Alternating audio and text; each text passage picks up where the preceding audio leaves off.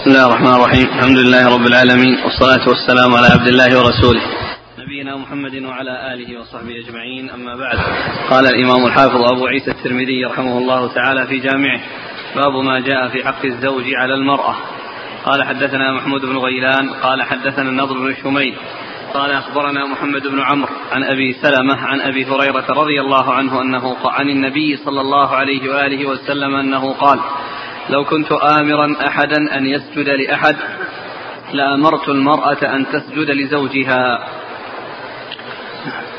قال وفي الباب عن معاذ بن جبل وسراغة بن مالك بن جعشم وعائشة وابن عباس وعبد الله بن أبي أوفى وطلق بن علي وأم سلمة وأنس وابن عمر رضي الله عنهم. قال أبو عيسى حديث أبي هريرة حديث حسن غريب من هذا الوجه من حديث محمد بن عمرو بن أبي سلمة عن, عن أبي هريرة. بسم الله الرحمن الرحيم. الحمد لله رب العالمين وصلى الله وسلم وبارك على عبده ورسوله نبينا محمد وعلى آله وأصحابه أجمعين. أما بعد فيقول الإمام أبو عيسى الترمذي رحمه الله في جامعة باب في حق الرجل أو حق الزوج على المرأة. حق زوجي نعم. على المرأة. نعم. على المرأة يعني على زوجته. باب في حق الزوج على زوجته. أي أن حقه عليها عظيم وطاعتها في ما يأمرها به مما هو يعني مما هو لها علي مما هو له عليها آه، من الأمور المتحتمة وقد جاء في ذلك أحاديث كثيرة عن رسول الله صلى الله عليه وسلم تدل كلها على عظيم حق الزوج على زوجته. وأولها حديث أبي هريرة أورد أبو عيسى حديث أبي هريرة رضي الله عنه. قال لو كنت آمرا أحدا أن يسجد لأحد لأمرت المرأة أن تسجد لزوجها. أي لعظيم حقه عليها. ومعلوم أن هذا لم يحصل ولكن هذا فيه بيان عظم الحق وبيان عظيم المنزلة للزوج عند المرأة وأن عليها أن آه، تستجيب له في ما هو من حقه عليها ولا تتأخر في ذلك. ولا تردد في ذلك ولا تقصر في ذلك. هذا هو الواجب على كل امرأة لزوجها أن تكون كذلك. لو كنت آمرا وهو لم يأمر ولا يأمر ولكنه لو كان كذلك لكان هذا وهذا يدل على عظم الحق. وهذا من جنس قول الرسول صلى الله عليه وسلم لو, لو كنت متخذا من أمتي خليلا لاتخذت أبا بكر خليلا. وهو لم يتخذ خليل ولا يتخذ خليل. ولكن هذا الكلام يبين وإن كان لا يكون وإن كان لا يكون أنه يدل على عظم آه على فضيلة أبي بكر الصديق رضي الله عنه. فالنبي صلى الله عليه وسلم أخبر عن أمر لا يكون أن لو كان كيف يكون؟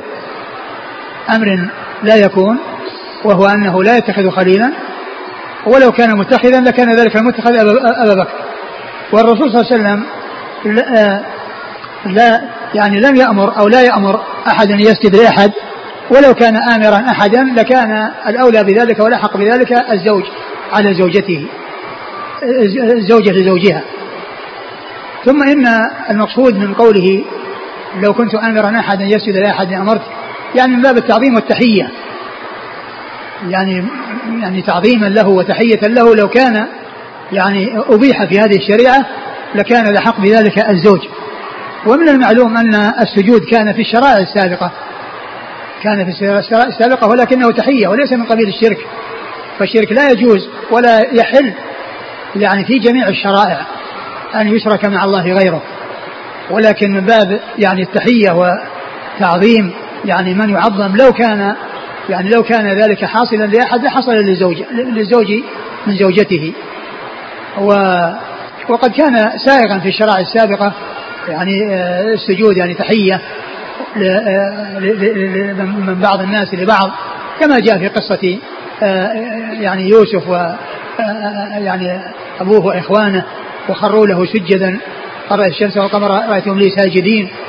ف يعني هو من باب التحية والتعظيم وليس من باب الشرك بالله وصرف حق الله عز وجل لغيره فإن هذا لا يحل في جميع الشرائع فإفراد العبادة لله. ونفي الشريك عنه وأنه لا يعبد مع الله غيره هذا شيء اتفقت عليه جميع الشرائع. والحديث يدل على عظم حق الزوجة حق الزوج على زوجته وأنه بهذا الوصف وبهذه المنزلة وأن الزوجة بهذه المنزلة العظيمة التي بين الرسول صلى الله عليه وسلم عظم شأنها في هذا الحديث عنه صلى الله عليه وسلم. نعم. قال حدثنا محمود بن غيلان. محمود بن غيلان ثقة أخرجه أصحاب الكتب الستة إلا أبا داود. عن النضر بن شميل. النضر بن شميل ثقة أخرجه أصحاب الكتب الستة. عن محمد بن عمرو. عن محمد بن عمرو وهو بن علقمة بن وقاص الليثي صدوق أخرج له أصحاب الكتب الستة. عن أبي سلمة. عن أبي سلمة بن عبد الرحمن بن عوف ثقة أخرجه أصحاب الكتب الستة. عن أبي هريرة. عن أبي هريرة عبد الرحمن بن صخر الدوسي أكثر الصحابة حديثا رضي الله عنه. في الباب عن معاذ بن جبل. معاذ بن جبل أخرج حديثه أصحاب الكتب الستة. وسراقة بن مالك. وسراقة بن مالك أخرج حديثه. البخاري وأصحاب السنن. البخاري وأصحاب السنن. وعائشة. وعائشة أم المؤمنين صديقة في الصديق وهي ممن أكثر رواية عن رسول الله صلى الله عليه وسلم. وابن عباس. وابن عباس أحد العبادلة الأربعة وأحد السبع المكثرين من حديث رسول الله صلى الله عليه وسلم. وعبد الله بن أبي أوفى. عبد الله بن أبي أوفى بن أبي أوفى أخرج له أصحابه في الستة. وطلق بن علي. طلق بن علي اليمامي أخرج له أصحاب السنن. وأم سلمة. وأم سلمة هند بنت أبي أمية أم المؤمنين أخرج لها أصحاب الكتب الستة. وأنس. وأنس بن مالك خادم النبي صلى الله عليه وسلم وأحد السبعة المكثرين من حديثه صلى الله عليه وسلم. وابن عمر. وابن عمر أحد العبادلة وأحد السبعة المكثرين من حديث رسول الله صلى الله عليه وسلم. قال أبو عيسى حديث أبي هريرة حديث حسن غريب من هذا الوجه من حديث عمرو بن محمد بن عمرو عن أبي سلم عن أبي هريرة. قال حدثنا هناد قال حدثنا ملازم بن عمرو قال حدثني عبد الله بن بدر عن قيس بن طلق عن أبيه طلق بن علي رضي الله عنه أنه قال قال رسول الله صلى الله عليه وآله وسلم إذا الرجل دعا زوجته لحاجته فلتأته وإن كانت على التنور. قال أبو عيسى هذا حديث حسن غريب ثم رد أبو عيسى حديث طلق بن علي رضي الله عنه. وأن النبي صلى الله عليه وسلم قال إذا دعا الرجل امرأته لحاجته إذا دعا الرجل امرأته فلتأتي ولا كانت التنور أي لما يريده منها مما هو من حقه يعني عليها وهو الجماع فإنها عليها أن تستجيب له ولا تتأخر.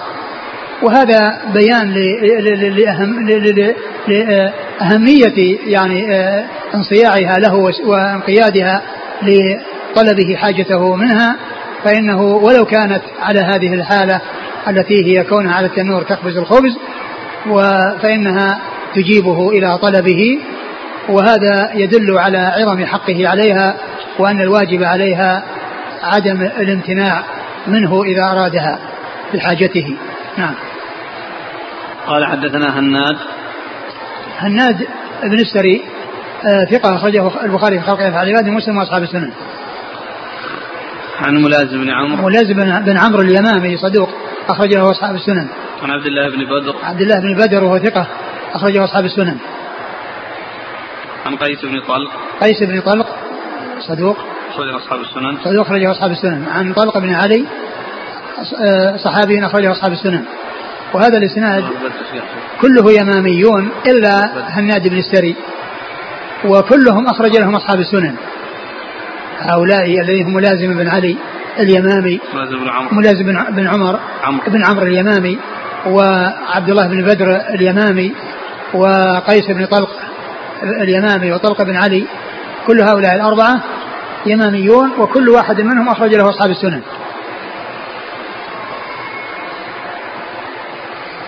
قال حدثنا واصل بن عبد الأعلى قال حدثنا محمد بن فضيل عن عبد الله بن عبد الرحمن أبي نصر.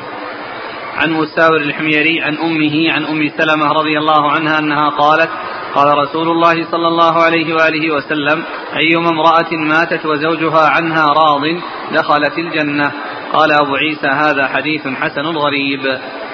ثم ورد أبو عيسى حديث أم سلمة رضي الله تعالى عنها أن النبي صلى الله عليه وسلم قال أيما امرأة ماتت وزوجها عنها راض دخلت الجنة. وهو يدل على يعني آه، عظم حق الزوجة على زوجته. وأن عليها أن تكون آه، تسعى لرضاه وعدم إغضابه. ولكن الحديث من حيث الإسناد هو ضعيف لأن فيه آه، مجهولان وهما مساور وأمه. نعم. ومساور وأمه كل منهما مجهول. فالحديث يعني غير صحيح وغير ثابت. نعم. قال حدثنا واصل بن عبد الأعلى. واصل بن عبد الأعلى ثقة. أخرج له أصحاب كتب الستة إلا الا البخاري إلا البخاري. عن محمد بن فضيل. عن محمد بن فضيل بن غزوان وهو صدوق أخرج له أصحاب كتب الستة.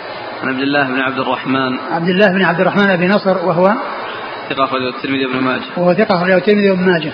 عن مساور الحميري. عن مساور مساور الحميري وهو وهو مجهول أخرج نعم. مجهول نعم. أخرج له الترمذي بن ماجه. الترمذي بن ماجه. وعن أمه وهي أيضا مجهولة لا يعرف حالها. أخرجها الترمذي بن ماجه. عن أم سلمة. وأم سلمة آه، مر ذكرها هند بنت أبي أمية أم المؤمنين. قال رحمه الله تعالى باب ما جاء في حق المرأة على زوجها. قال حدثنا أبو كريب قال حدثنا عبدة بن سليمان عن محمد بن عمرو قال حدثنا أبو سلمة عن أبي هريرة رضي الله عنه أنه قال قال رسول الله صلى الله عليه وآله وسلم أكمل المؤمنين إيمانا أحسنهم خلقا وخياركم خياركم لنسائهم خلقا.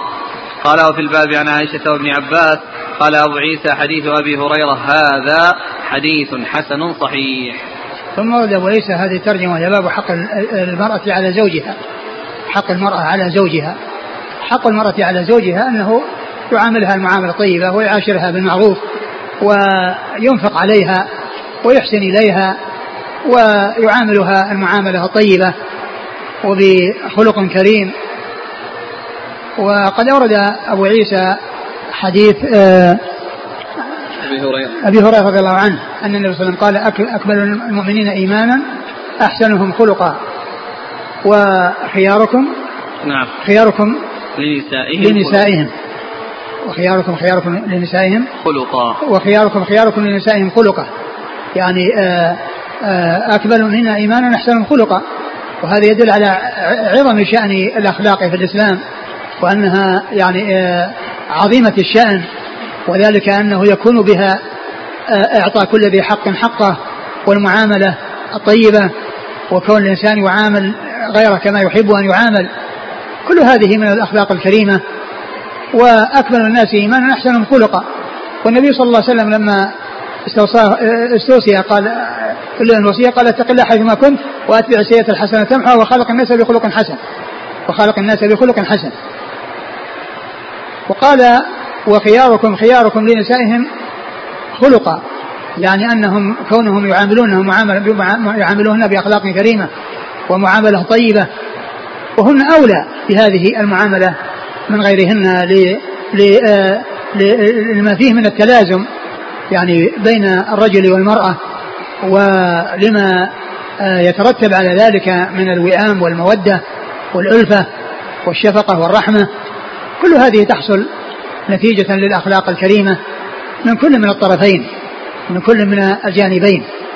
فمن حق الزوج الزوجة على زوجها أن يحسن إليها وأن آه، يعاملها المعاملة الطيبة وأن آه، يتخلق معها بالأخلاق الكريمة. كما أن هذا أيضا مطلوب هو مطلوب من جانبها أيضا مع الزوج. كل من الزوجين عليه أن يعامل الآخر بالمعاملة الحسنة وأن يخالقه بالأخلاق الحسنة كما قال النبي صلى الله عليه وسلم وخالق الناس بخلق حسن وهذا عام للناس جميعا ولكن كونه بين الأقارب وبين الزوجين لا شك أن هذا له أهميته وله وهو عظيم الشأن. نعم. قال حدثنا أبو كريب. أبو كريب محمد بن العلاء بن كريب. ثقة أخرج له أصحاب كتب الستة. عن عبده بن سليمان. عبده بن سليمان ثقة أخرج له أصحاب كتب الستة. عن محمد بن عمرو عن أبي سلمة عن أبي هريرة. وقد مر ذكر هؤلاء الثلاثة. قال وفي الباب عن عائشة وابن عباس قال أبو عيسى حديث أبي هريرة هذا حديث حسن صحيح. قال حدثنا الحسن بن علي الخلال قال حدثنا الحسين بن علي الجعفي عن زائدة عن شبيب بن غرقدة عن سليمان بن عمرو بن عن سليمان بن عمرو بن الأحوص قال حدثني أبي رضي الله عنه أنه شهد حجة الوداع مع رسول الله صلى الله عليه وآله وسلم. فحمد الله وأثنى عليه وذكر ووعظ أو وعظ فذكر في الحديث قصة فقال ألا واستوصوا بالنساء خيرا فإنما هن عوان عندكم ليس تملكون منهن شيئا غير ذلك إلا أن يأتين بفاحشة مبينة فإن فعلن فاهجروهن في المضاجع واضربوهن ضربا غير مبرح. فإن أطعنكم فلا تبغوا عليهن سبيلا. ألا إن لكم على نسائكم حقا ولنسائكم عليكم حقا. فأما حقكم على نسائكم فلا يطيعن فرشكم من تكرهون ولا يأذن في بيوتكم لمن تكرهون. ألا وحقهن عليكم أن تحسنوا إليهن في كسوتهن وطعامهن. قال أبو عيسى هذا حديث حسن صحيح ومعنى قوله عوان عندكم يعني أسرى في أيديكم.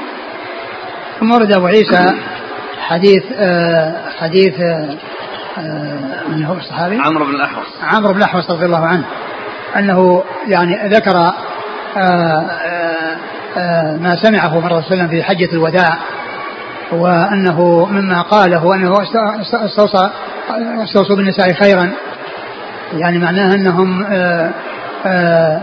يعني الرسول أوصاهم بهم خيرا وأنهم مطلوب منهم أن يحسنوا إليهن وأن يقبلوا هذه الوصية وأن يعني يوصي بعضهم بعضا بالنساء. وقال فإنهن عوان عندكم أي أسيرات. العواني العوان العواني جمع عانية والعانية الأسيرة كما أن العاني هو الأسير. يعني أنهن يعني بمنزلة الأسرى عندكم وأن عليكم أن تعاملوهن المعاملة الطيبة. وأن آه، تحسنوا إليهن. ولهذا أوصى الرسول صلى الله عليه وسلم بهن خيرا وقال إنهن عوان عندكم أي بمنزلة الأسرى الذين هم في أيديكم والأسير عليه أن يحسن على من هو بيده على يحسن عليه من هو بيده يعني يحسن إلى الأسير ولا يعني يسيء إليه وإنما يعامله المعاملة الطيبة. وكذلك هذه الأسيرات أو اللاتي بمنزلة الأسيرات المعاملة الطيبة في حقهن مطلوبة ثم إن النبي صلى الله عليه وسلم قال إيش بعد ذلك؟ فإن ليس تملكون منهن شيئا غير ذلك إلا أن يأتين بفاحشة مبينة ليس تملكون منهن شيئا غير ذلك يعني غير يعني ما شرع الزواج من أجله وهو أن كل واحد يقضي وطره ويقضي حاجته من الآخر وكل منهما يعامل الآخر المعاملة الطيبة. فإن فإن أتينا بفاحشة مبينة فإن فإنهن يهجرن في المضاجع ويضربن ضربا غير مبرح. ومن المعلوم أن يعني هذا الذي جزاؤه هذا هذا الشيء الذي هو كونه يهجرن هجرا آه، في المضاجع ويضربن ضربا غير مبرح يعني لما يكون من نشوز وما يكون من معاملة سيئة ومن يعني آه، آه، حصول يعني أشياء لا تصل إلى إلى حد الزنا وإلى الزنا لأن ذلك لا يكفي فيه يعني أن يهجرن وأن يضربن ضربا غير مبرح وإنما إذا حصل منهن نشوز وحصل منهن تعالي أو ترفع أو حصل منهن أمور منكرة يعني لا تليق وهي دون دون الزنا والعياذ بالله. فإنها فإنهن يعاملن هذه المعاملة بأن يهجرن في المضاجع تأديبا لهن وكذلك أيضا يعني يضربن ضربا غير مبرح يعني ضربا خفيف. و فنعم بعد ذلك. فإن فعلن فاجرهن في المضاجع واضربوهن ضربا غير مبرح فإن أطعنكم فلا تبغوا عليهن سبيلا. نعم. ألا إن لكم على نسائكم حقا ولنسائكم عليكم حقا. فأما حقكم على نسائكم فلا يطيعن فرشكم من تكرهون. ولا يأذن في بيوتكم لمن تكرهون. وهذا من حق الأزواج على الزوجات أن لا يدخلن في البيوت. من لا يريد الزوج دخوله وكذلك لا يطئن الفرش ويجلسن أحدا يعني عليها ممن لا يصلح أن يعني يدخل ولا يأذن ولا يأذن له, له الزوج فيه الزوج. ومن المعلوم أن الأجانب لا يجوز دخولهن على على النساء ولا الخلوة بهن لا يجوز الخلوة يعني بالرجال الأجانب. ولا ال ال ال الاستهانة في حق الأزواج والتقصير في حق الأزواج بأن تكون المرأة عندها شيء من من الانفلات وعدم الانضباط بل عليها أن تكون في غاية من العفة والبعد عن الريبة وأن تكون يعني على آه، أخلاق كريمة وعلى أفعال طيبة بعيدة عن أي شيء يسيء العشرة بين الزوجين ويسيء إلى العلاقة بين الزوجين. وحق الزوجات على الأزواج أنهم يكسون يكسونهن وينفقون عليهن. أي هذا من حقهم من حقهن على أزواجهن أن يعني يحسنوا إليهن وأن ينفقوا عليهن في الكسوة والطعام. وغير ذلك مما يعني مما هو لازم للرجال على لازم للرجال على على الرجال لنسائهم. نعم. قال حدثنا الحسن بن علي الخلال.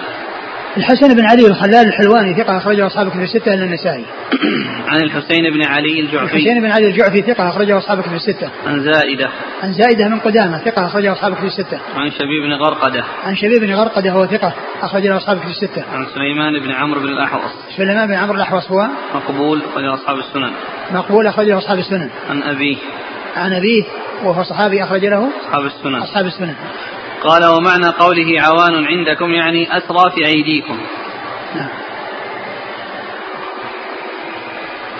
قال رحمه الله تعالى باب ما جاء في كراهية إتيان النساء في أدبارهن قال حدثنا أحمد بن منيع وهناد قال حدثنا أبو معاوية عن عاصم الأحول عن عيسى بن حطان عن مسلم بن سلام عن علي, عن علي بن طلق رضي الله عنه أنه قال أتى أعرابي النبي صلى الله عليه وآله وسلم فقال يا رسول الله الرجل منا يكون في الفلاة فتكون منه الرويحة ويكون في الماء قلة.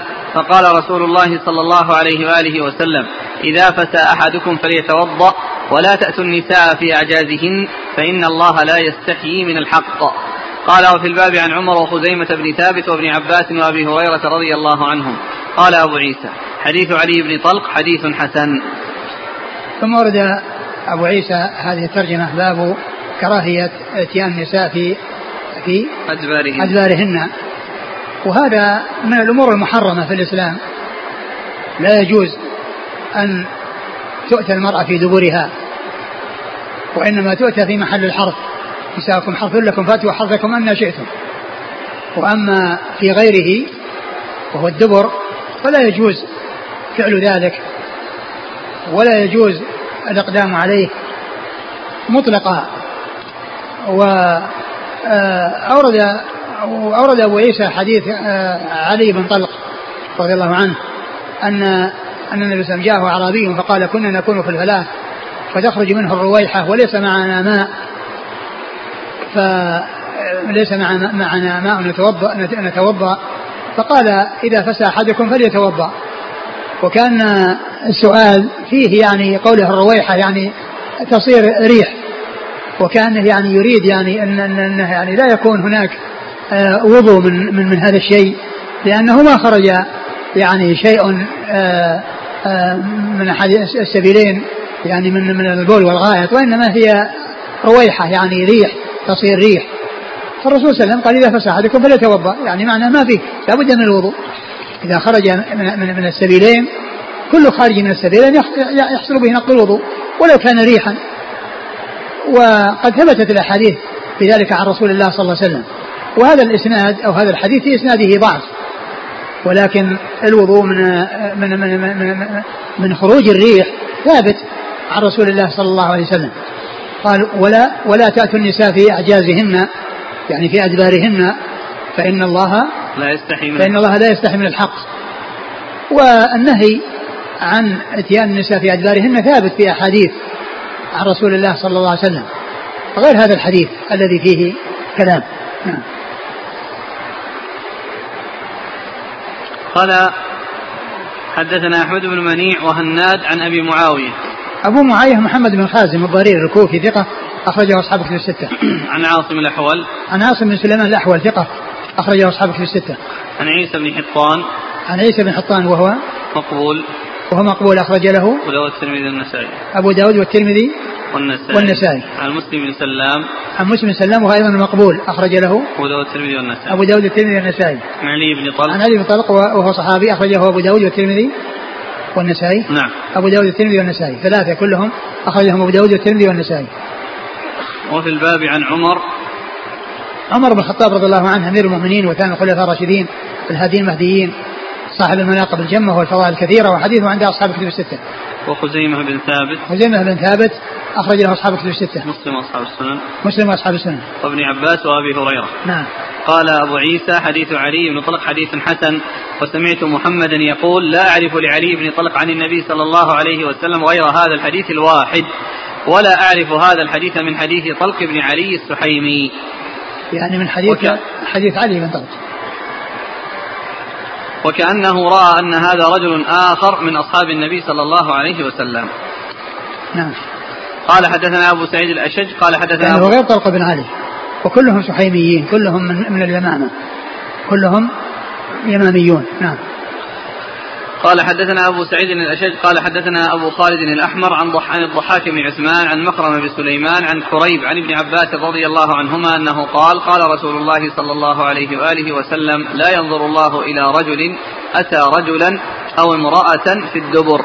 قال أبو عيسى هذا حديث حسن غريب. ثم ورد أبو عيسى حديث ابن عباس. أن النبي صلى الله عليه وسلم قال أن النبي صلى الله عليه وسلم قال لا ينظر الله إلى رجل أتى رجلا أو امرأة في الدبر. يعني أتاها باللواط يعني بأن آه، فعل معه الأمر المنكر أو مع المرأة في الدبر كل ذلك حرام. كل ذلك من الكبائر العظيمة الخطيرة. فحديث ابن عباس آه، يدل على على عظم هذا الجرم وعلى خطره وأن الله لا ينظر إلى من فعله يعني يوم القيامة. لا ينظر الله إليه يوم القيامة. نعم. قال حدثنا أبو سعيد الأشج أبو سعيد الأشج عبد الله بن سعيد وهو ثقة أخرجه أصحابه في الستة. عن أبي خالد الأحمر. أبو خالد الأحمر وهو سليمان بن حيان. بن حيان وهو صدوق يخطئ. صدوق يخطئ أخرجه أصحابه في الستة. عن الضحاك بن عثمان. عن الضحاك بن عثمان وهو صدوق يهم أخرجه مسلم وأصحاب السنن. صدوق يهم أخرجه مسلم وأصحاب السنن. عن مخرم بن سليمان. عن مخرم بن سليمان وهو ثقة أخرج له أصحاب الكتب. أصحاب الكتب الستة. عن كريب. عن بريد. كريب. عن كريب كريب كريب مولى بن عباس وهو ثقة. أخرجه أصحاب الكتب الستة. عن ابن عباس رضي الله تعالى عنهما وقد مر ذكره. قال وروى وكيع هذا الحديث. قال حدثنا قتيبة وغير واحد قالوا حدثنا وكيع عن عبد الملك بن مسلم وهو ابن سلام عن أبيه عن علي رضي الله عنه أنه قال قال رسول الله صلى الله عليه وآله وسلم إذا فسى أحدكم فليتوضأ ولا تأتوا النساء في أعجازهن. قال أبو عيسى وعلي هذا هو علي بن طلق. وهذا يتعلق بالإسناد الذي قبل هذا. يعني ليس بهذا الحديث الأخير هذا الذي حديث عباس وإنما يتعلق بحديث علي بن طلق الذي مر نعم قال حدثنا قتيبة قتيبة بن سعيد ثقة أخرجه أصحاب الكتب الستة. عن وكيع وكيع بن الجراح الرؤاسي الكوفي ثقة أخرجه أصحاب الكتب الستة. عن عبد الملك بن مسلم. عبد الملك بن مسلم هو ثقة أخرجه الترمذي والنسائي. ثقة أخرجه الترمذي والنسائي. عن أبيه عن علي. عن أبيه وهو مسلم بن بن سلام بن سلام الذي مر في الإسناد السابق. عن علي. عن علي بن طلق نعم.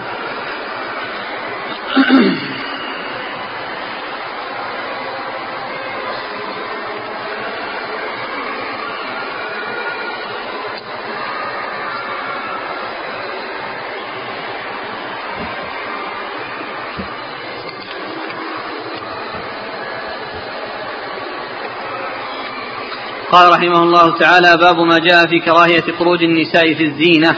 قال حدثنا علي بن خشرم قال أخبرنا عيسى بن يونس عن موسى بن عبيدة عن أيوب بن خالد عن ميمونة بنت سعد رضي الله عنها وكانت خادما للنبي صلى الله عليه وآله وسلم أنها قالت قال رسول الله صلى الله عليه وآله وسلم مثل الرافلة في الزينة في غير أهلها كمثل ظلمة يوم, يوم كمثل ظلمة يوم القيامة لا نور لها.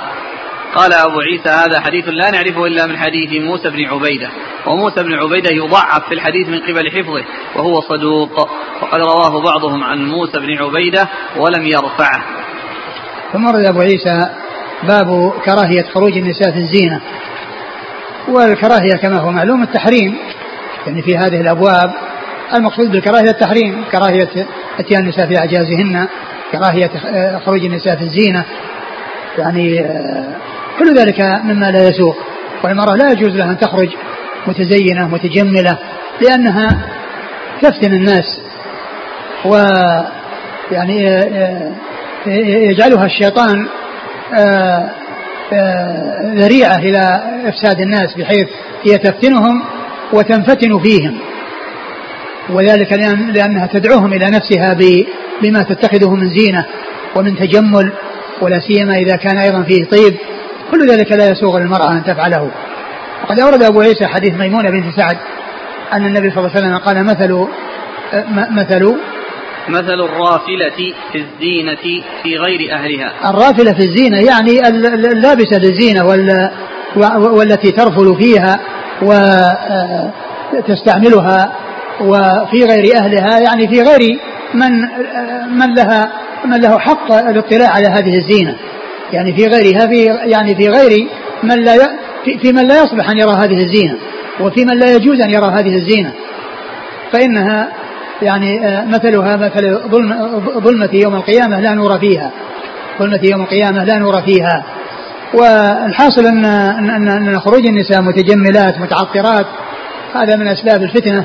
ومن أسباب البلاء آه، يفتن الناس وينفتن بالناس. والحديث في إسناده ضعف ولكن آه، معناه يعني من ناحية كون النساء لا يخرجن متجملات ولا يخرجن يعني متعطرات هذا جاء يعني جاءت به السنة عن رسول الله عليه الصلاة والسلام بأنها تبتعد عن الزينة عندما تخرج لأمور لا بد من الخروج فيها لا بد من الخروج لها. والإسناد والحديث في إسناده ضعف. نعم قال حدثنا علي بن خشرم علي بن خشرم ثقة أخرج له مسلم والترمذي والنسائي والترمذي والنسائي عن عيسى بن يونس عن عيسى بن يونس ثقة أخرجه أصحاب الكتب الستة. عن موسى بن عبيدة. موسى بن عبيدة ضعيف أخرج له. الترمذي بن ماجه. الترمذي بن ماجه. عن أيوب بن خالد. عن أيوب بن خالد وهو فيه لين. وفيه لين أيضا وهذا سبب آخر وأخرج حديثه مسلم والترمذي والنسائي. مسلم والترمذي والنسائي. عن ميمونة بنت سعد. عن ميمونة بنت سعد أخرج حديثها.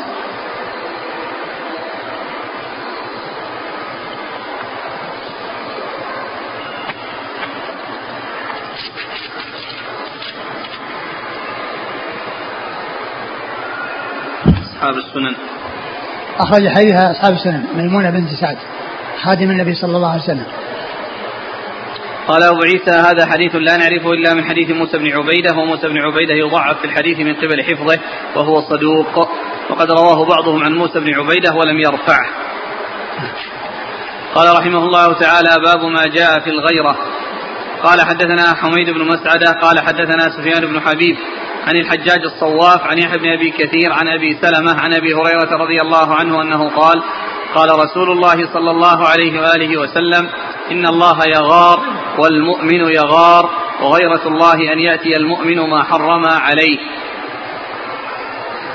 قال وفي الباب عن عائشة وعبد الله بن عمر رضي الله عنهم قال أبو عيسى حديث أبي هريرة حديث حسن غريب وقد روي عن يحيى بن أبي كثير عن أبي سلمة عن عروة عن أسماء بنت أبي بكر رضي الله عنهما عن النبي صلى الله عليه وآله وسلم هذا الحديث وكلا الحديثين صحيح. ثم ورد أبو عيسى باب الغيرة. والغيرة هي يعني من الله عز وجل الغيرة على المحارم على ما حرم الله. وغيرة الله أن, أن, أن تؤتى محارمه. يعني أنه إذا أتيت محارمه فإن هذا مما يغضب الله عز وجل. ومعلوم أن الغيرة غير الغضب. لا يقال إنها بمعنى الغضب ولكنها يعني آآ آه، آآ آه، يعني آه، تدل على على على على, على الغضب. فالصفات بعضها متقارب. يعني بعض الصفات يكون متقارب. يعني يكون بعضها أش... يعني من جنسه ولكن بعضها أشد. مثل مثل اسم الرحمن والرحيم. كل منهم يدلون على صفة الرحمة. ولكن التفاوت في الرحمة بين الرحيم والرحمن يعني حاصل. لأن الرحمن يعني آآ آه، آآ آه، رحمة عامة والرحيم رحمة خاصة. فكذلك أيضا يعني بعض الصفات يعني تتقارب ويكون بعضها قريبا من بعض فيعني يغار على محارمه والمؤمن يغار أيضا على محارمه وعلى حرماته وعلى أهله وعلى أو على بناته وأيضا يغار للاتيان بمحارم الله عز وجل وأنه يعني تحصل له هذه الصفة التي هي الغيرة. فأورد أبو عيسى حديث حديث, حديث أبي هريرة. حديث أبي هريرة. قال إن الله يغار والمؤمن يغار وغيرة الله أن يأتي المؤمن ما حرم عليه. أن يأتي المؤمن ما حرم الله عليه. وغيرة, وغيرة الله أن يأتي المؤمن ما حرم الله عليه. يعني هذا هو الذي يعني يغار الله منه. وغيرة الله تحصل بهذا كونه يعني يحصل الاتيان ما حرم الله عز وجل. فالواجب هو الابتعاد عن كل ما حرم الله. والرجل أيضا يغار على أهله ولا يتهاون في شأنهم ولا يقر فيهم يعني السوء ولا يتركهم آه، ويتهاون في آه، شأنهم حتى يحصل منهم سوء أو ما إلى ذلك. كل هذا من الأمور المتحتمة اللازمة. نعم. قال حدثنا حميد بن مسعدة. حميد بن مسعدة ثقة أخرجه مسلم وأصحاب السنن صدوق أخرجه مسلم وأصحاب السنن. عن سفيان بن حبيب. وسفيان بن حبيب هو ثقة أخرجه البخاري في المفرد وأصحاب السنن صدوق ثقة أخرجه البخاري في المفرد وأصحاب السنن عن الحجاج الصواف. عن الحجاج الصواف وهو ثقة أخرج له. أصحاب الكتب. أصحاب الكتب الستة. عن يحيى بن أبي كثير. عن يحيى بن أبي كثير وهو ثقة أخرجه أصحاب الكتب الستة. عن أبي سلمة عن أبي هريرة. قال وفي الباب عن عائشة وعبد الله بن عمر. أبو سلمة وأبو هريرة مر ذكرهما. وعائشة وابن عمر مر ذكرهما.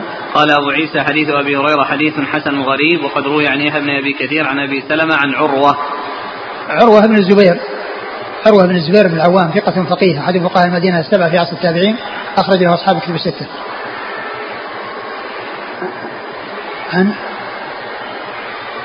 عن أسماء بنت أبي بكر. عن أسماء أسماء بنت أبي بكر رضي الله عنها وحديثها أخرجه أصحاب الكتب الستة وهي أم عروة. قال والحجاج الصواف والحجاج بن أبي عثمان وأبو عثمان اسمه ميسرة والحجاج يكنى ابا الصلت وثقه يحيى بن سعيد. حدثنا أبو بكر العطار عن علي بن المديني أنه قال سألت يحيى بن سعيد القطان عن حجاج الصواف فقال ثقة فطن كيس. ثم ذكر هذا يعني هذا الإسناد إلى علي بن المديني وأنه قال في حجاج الصواف إنه ثقة عن إيش؟ المديني يروي عن يحيى بن سعيد القطان يعني يحيى بن سعيد القطان أنه قال في آه، حجاج الصواف أنه ثقة فطن كيس ثقة فطن كيس. نعم. أبو بكر العطار هو؟ صدوق خرج البخاري والترمذي والنسائي وابن ماجه. صدوق خرج البخاري والترمذي والترمذي والنسائي والنسائي وابن ماجه. عن علي بن المديني. علي بن المديني وهو ثقة أخرج له البخاري وأخرج له آه الترمذي والنسائي وابن ماجه. الترمذي آه، أبو داود الترمذي والنسائي وابن ماجه في التفسير. عن يحيى بن سعيد. عن يحيى بن سعيد القطان وهو ثقة أخرج له أصحاب الكتب الستة.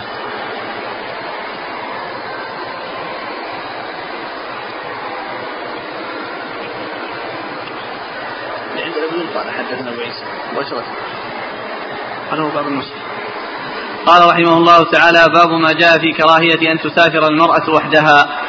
والله تعالى أعلم وصلى الله وسلم وبارك على عبده ورسوله نبينا محمد وعلى آله وأصحابه أجمعين. جزاكم الله خيرا وبارك الله فيكم ونفعنا الله بما قلتم وغفر الله لنا ولكم وللمسلمين أجمعين.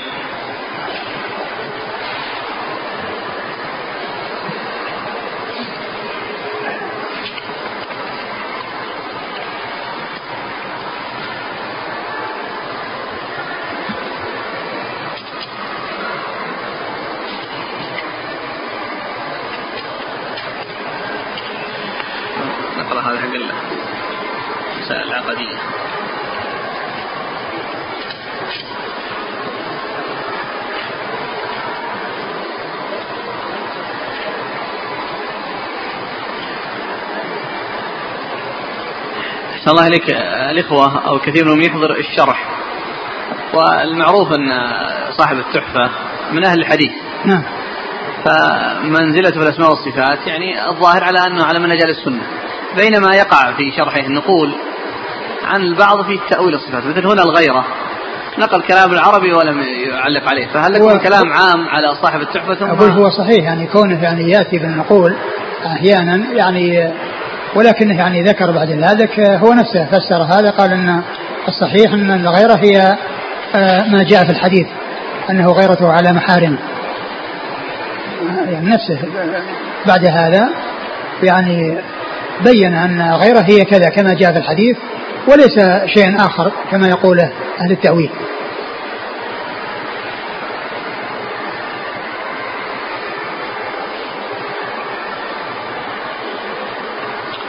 وفي قبله ما ينظر الله إليه قال نظر رحمة. نعم.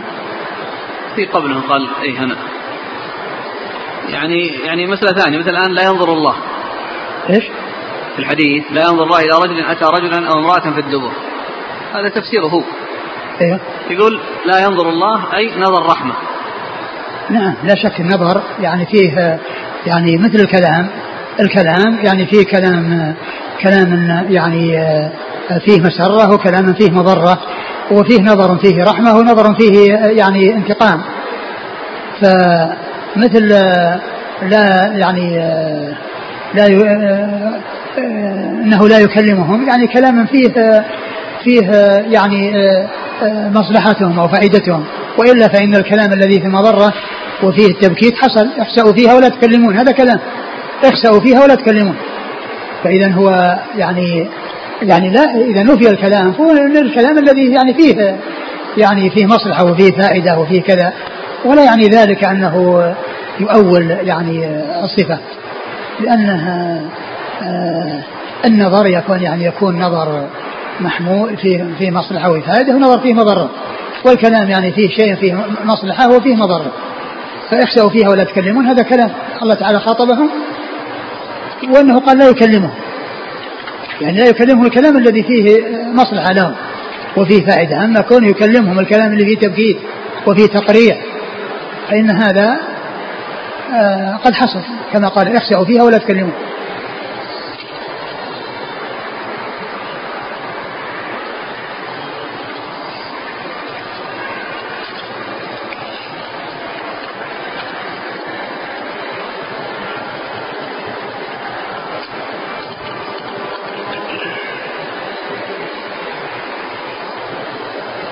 يقول تكاليف العلاج للمرأة هل هي من النفقة الواجبة؟ لا ليست من النفقة الواجبة. أقول ليست من النفقة الواجبة. أه، أحب أن أنبه على سؤال كان بالأمس وهو السؤال الأخير الذي فيه أن أه، أه، اللبن أو لبن المرأة إذا وصل إلى الطفل عن طريق عن طريق الحقن وذكرنا بالأمس أن قضية أن يكون يصل عن طريق الوريد أو ما إلى ذلك يمكن أن يكون فيه مضرة وأنه ما يدرى يعني مصلحته من مضرته. وقد ذكر يعني أحد الأطباء أن هذا لا يمكن وأنه لا يمكن الوصول عن طريق الإبر لأن بل قد يؤدي إلى الموت. يعني كونه يعني يحقن فيه عن طريق الوريد أو كذا يعني اللبن لا يمكن ولا يكون من ورائه فائدة بل قد يكون من ورائه الموت وأن ينتهي به إلى حصول الضرر الذي يؤدي به إلى الوفاة. ف يعني يعني غير وارد يعني مثل يعني هذا الإيراد أو مثل هذا التصور لأنه يعني من جهة الطب يعني ليس فيه مصلحة بل فيه المضرة المحققة. أما كون اللبن يصل إلى الطفل من غير الرضاع من غير المص فإنه يؤثر ويحرم مثل ما لو حلب في كأس وأسقي إياه. أو كذلك وضع في يعني أنبوبة أو يعني وصب في في في حلقه. فإنه يحصل به يحصل به التحريم. يحصل به التحريم.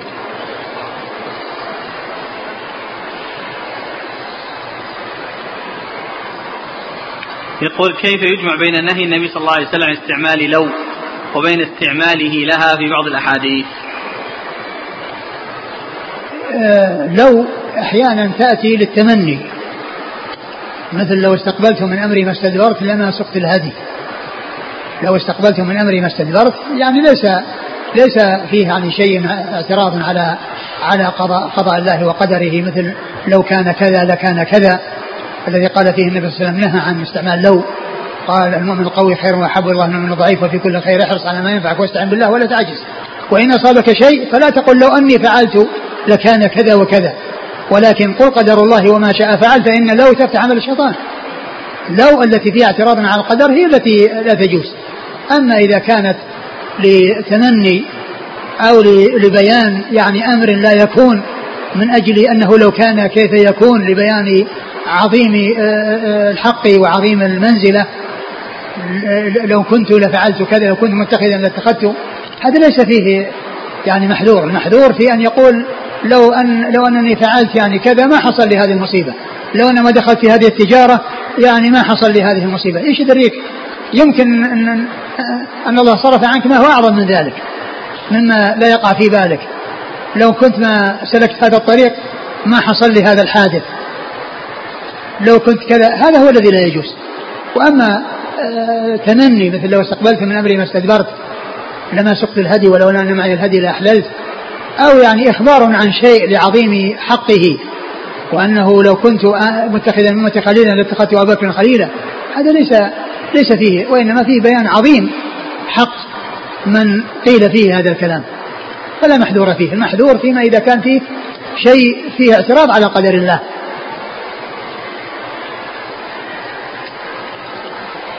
مناسبة الحديث لو كنت آمرا أحدا أن أسجد لأحد لأمرت المرأة أن تسجد لزوجها. يقول السائل كانت المرأة عندنا تنزل على ركبتها عندما تسلم على زوجها. فهل هذا يجوز؟ أبدا لا يجوز. لا يجوز. لا لا ركوع ولا انحناء ولا بروك ولا سجود كل ذلك لا يجوز في الإسلام. إذا الرجل دعا زوجته لحاجته فلتأته وإذا وإن كانت على التنور. قوله لحاجته. هل تدخل فيها الحاجات الأخرى دون الجماع؟ لا وإنما المقصود المقصود حاجته ولكن يعني الحاجات الأخرى يعني قد قد تقبل التأجيل وقد تتفاهم معه على أن الخبز يعني كذا لكن الكلام على حاجته التي حاجة الجماع هي التي يعني عليها أن تحقق رغبته ولا يحصل منها أي تلكؤ في ذلك فلا يطعن فرشكم من تكرهون ولا يأذن في بيوتكم لمن تكرهون. سؤالان إذا منع الرجل امرأته أن تدخل والدها لخلاف بينهما. والآخر يقول إذا كان الرجل طلب من زوجته أن لا تدخل أحد أخوانها لما بينهم من المشاكل.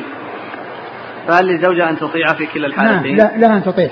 لا أن تطيع ولكن عليه وعليها أن يسعوا إلى الوفاق وإلى الإصلاح. حتى يزول ما في النفوس وحتى يذهب إليهم ويأتون إليه.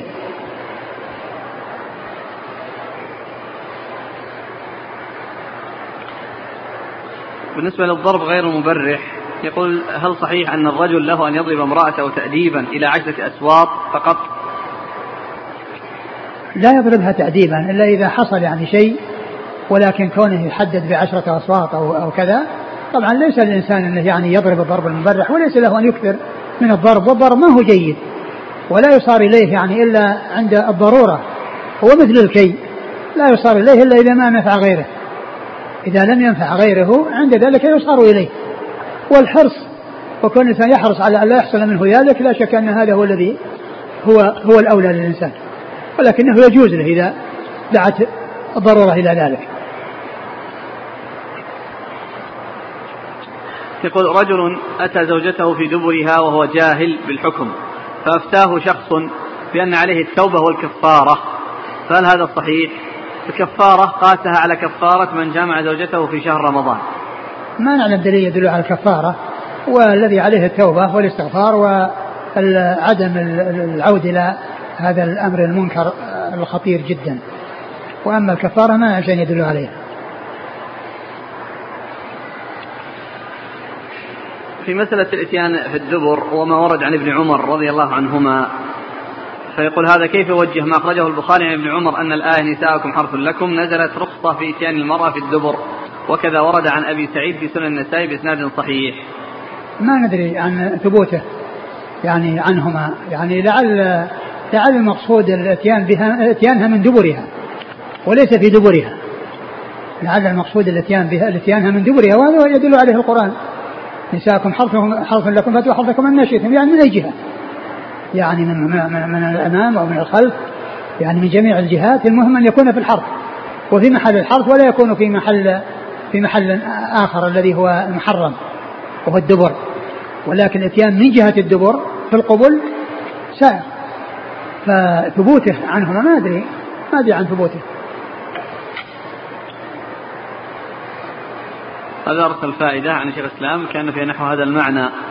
يقول أورد شيخ الإسلام ابن تيمية رحمه الله رواية لنافع عن ابن عمر أنه قال في قوله تعالى نساؤكم حرث لكم فاتوا حرثكم أن شئتم قال نزلت هذه الآية في إتيان النساء في أدبارهن قال سالم لقد كذب العبد على أبي يريد أنه أخطأ عليه ولم يفهم مراده وإنما نزلت في إتيان النساء في قبلهن من أدبارهن. و لا سيما يعني والموضوع يتعلق بتفسير الآية. حرف لكم فاتوا حرفكم أنا في حرف الحرف مكان واحد ما له أماكن متعددة. فاتوا حرفكم أن شئتم نساءكم حرف لكم فاتوا حرفكم أن شئتم اللي هو مكان الحرف وهو حصول الولد.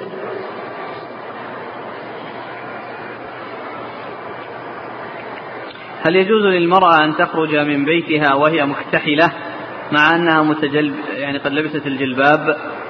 إذا كان أنها يعني لن يراها يعني رجال وإنما يراها النساء فقط فمثل هذا يعني آه، يخفيه يخفيه الخمار ولا يترتب عليه مضرة.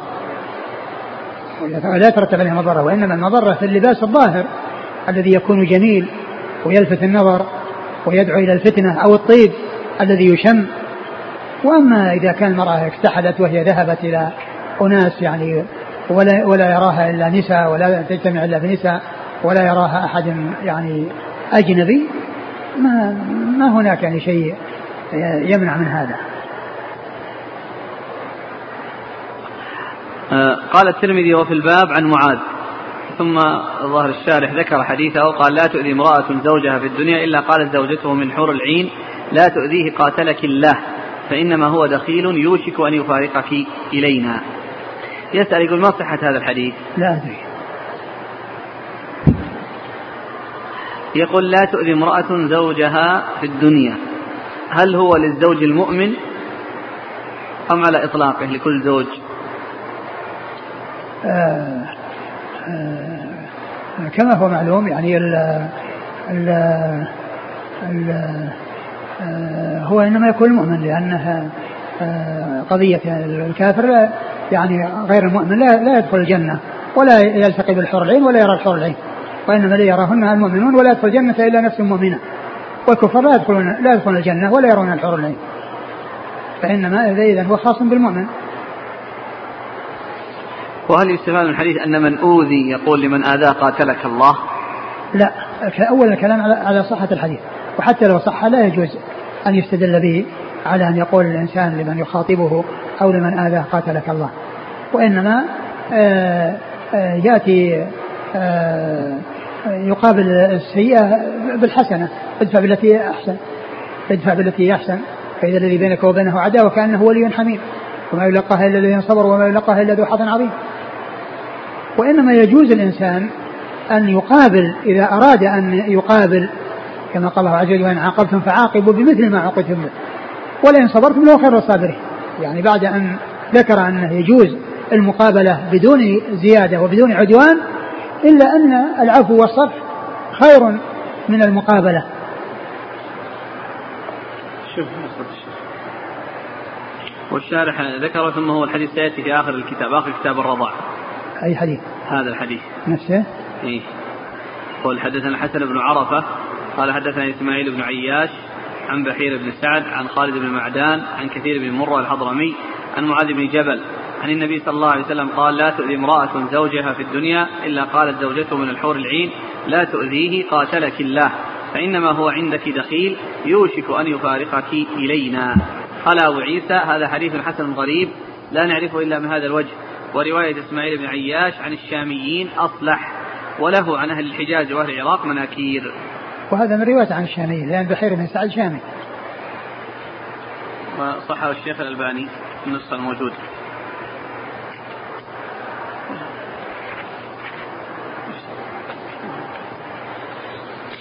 وفي الشرح يقول قاتلك الله أي قتلك أو لعنك أو عاداك وقد يرد للتعجب.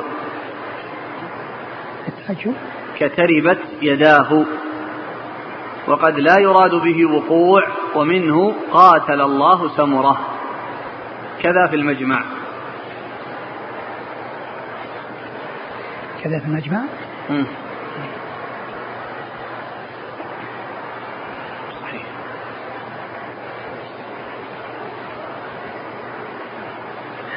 آه، حديث عبد الله بن أبي أوفى قال في الباب وهو حديث قال آه، قدم معاذ من الشام فسجد للنبي صلى الله عليه وسلم فقال يا ما هذا يا معاذ؟ وفي آخر الحديث ولو سألها نفسها وهي على قتب لم تمنعه. يسأل عن صحة الحديث. حديث معاذ حديث عبد الله بن أبي أوفى. ما أدري.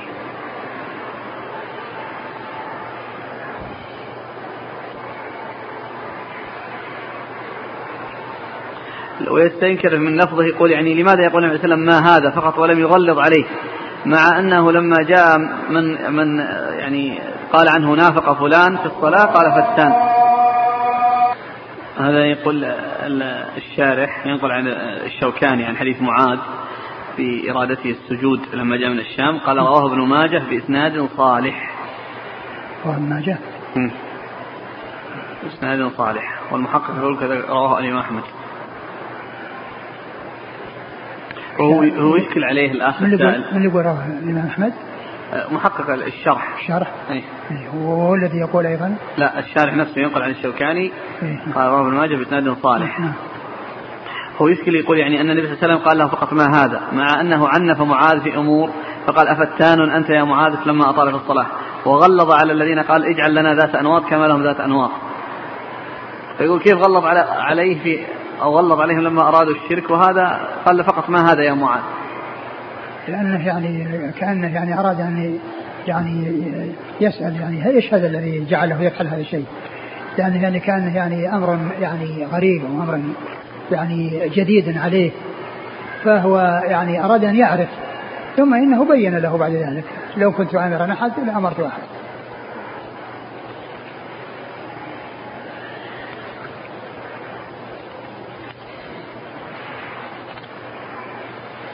يقول إذا أمر الرجل امرأته أن لا تكلم أباها أو إخوانها لمشاكل هل يدخل كذلك نفس القضية إدخالهم البيت؟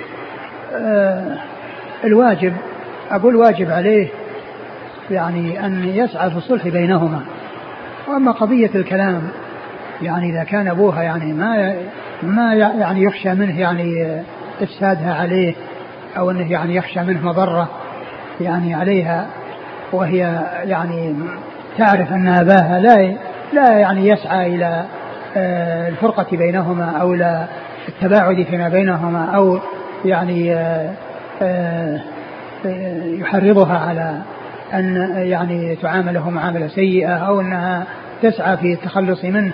إذا كان إذا كان ما ما تعرف عنه فإنها تكلمه تكلمه يعني فيما بينها وبينه. وإما إذا كان أنه تعرف منه أنه لا يرضى بهذا الزوج وأنه يعني يعمل على آه، آه، تخبيبها عليه وأنها ينبغي أن تسعى أو توافق على الابتعاد عنه وعلى طلب الخلاص منه أو السعي للخلاص منه فمثل هذا له حق. ولكن قبل هذا كله وبعده يحرص على إزالة الوحشة وإزالة الفرقة وإصلاح يعني ذات البين ولم الشمل وعدم توسيع الشقة وبقاء الفرقة والنفرة فيما بين الأقارب. حتى تبقى الحياة يعني فيها راحة وفيها طمأنينة ما يكون فيها شيء من النكد ومن المشقة والضرر. هل من حقوق الزوج على امرأته قيامها بخدمته نعم. هذا من حقوقها. أنها تقوم بشؤون البيت وتقوم بأعمال البيت. نعم. هذه يذكر فائدة يقول روى ابن أبي شيبة بإسناد صحيح عن ابن عمر أن رجلا سأله عن إتيان المرأة في الدبر فقال أف أف يسألني عن الكفر؟ يقول وكذلك عن أبي سعيد قال وهل يفعل هذا مسلم؟ هذا وين فيه؟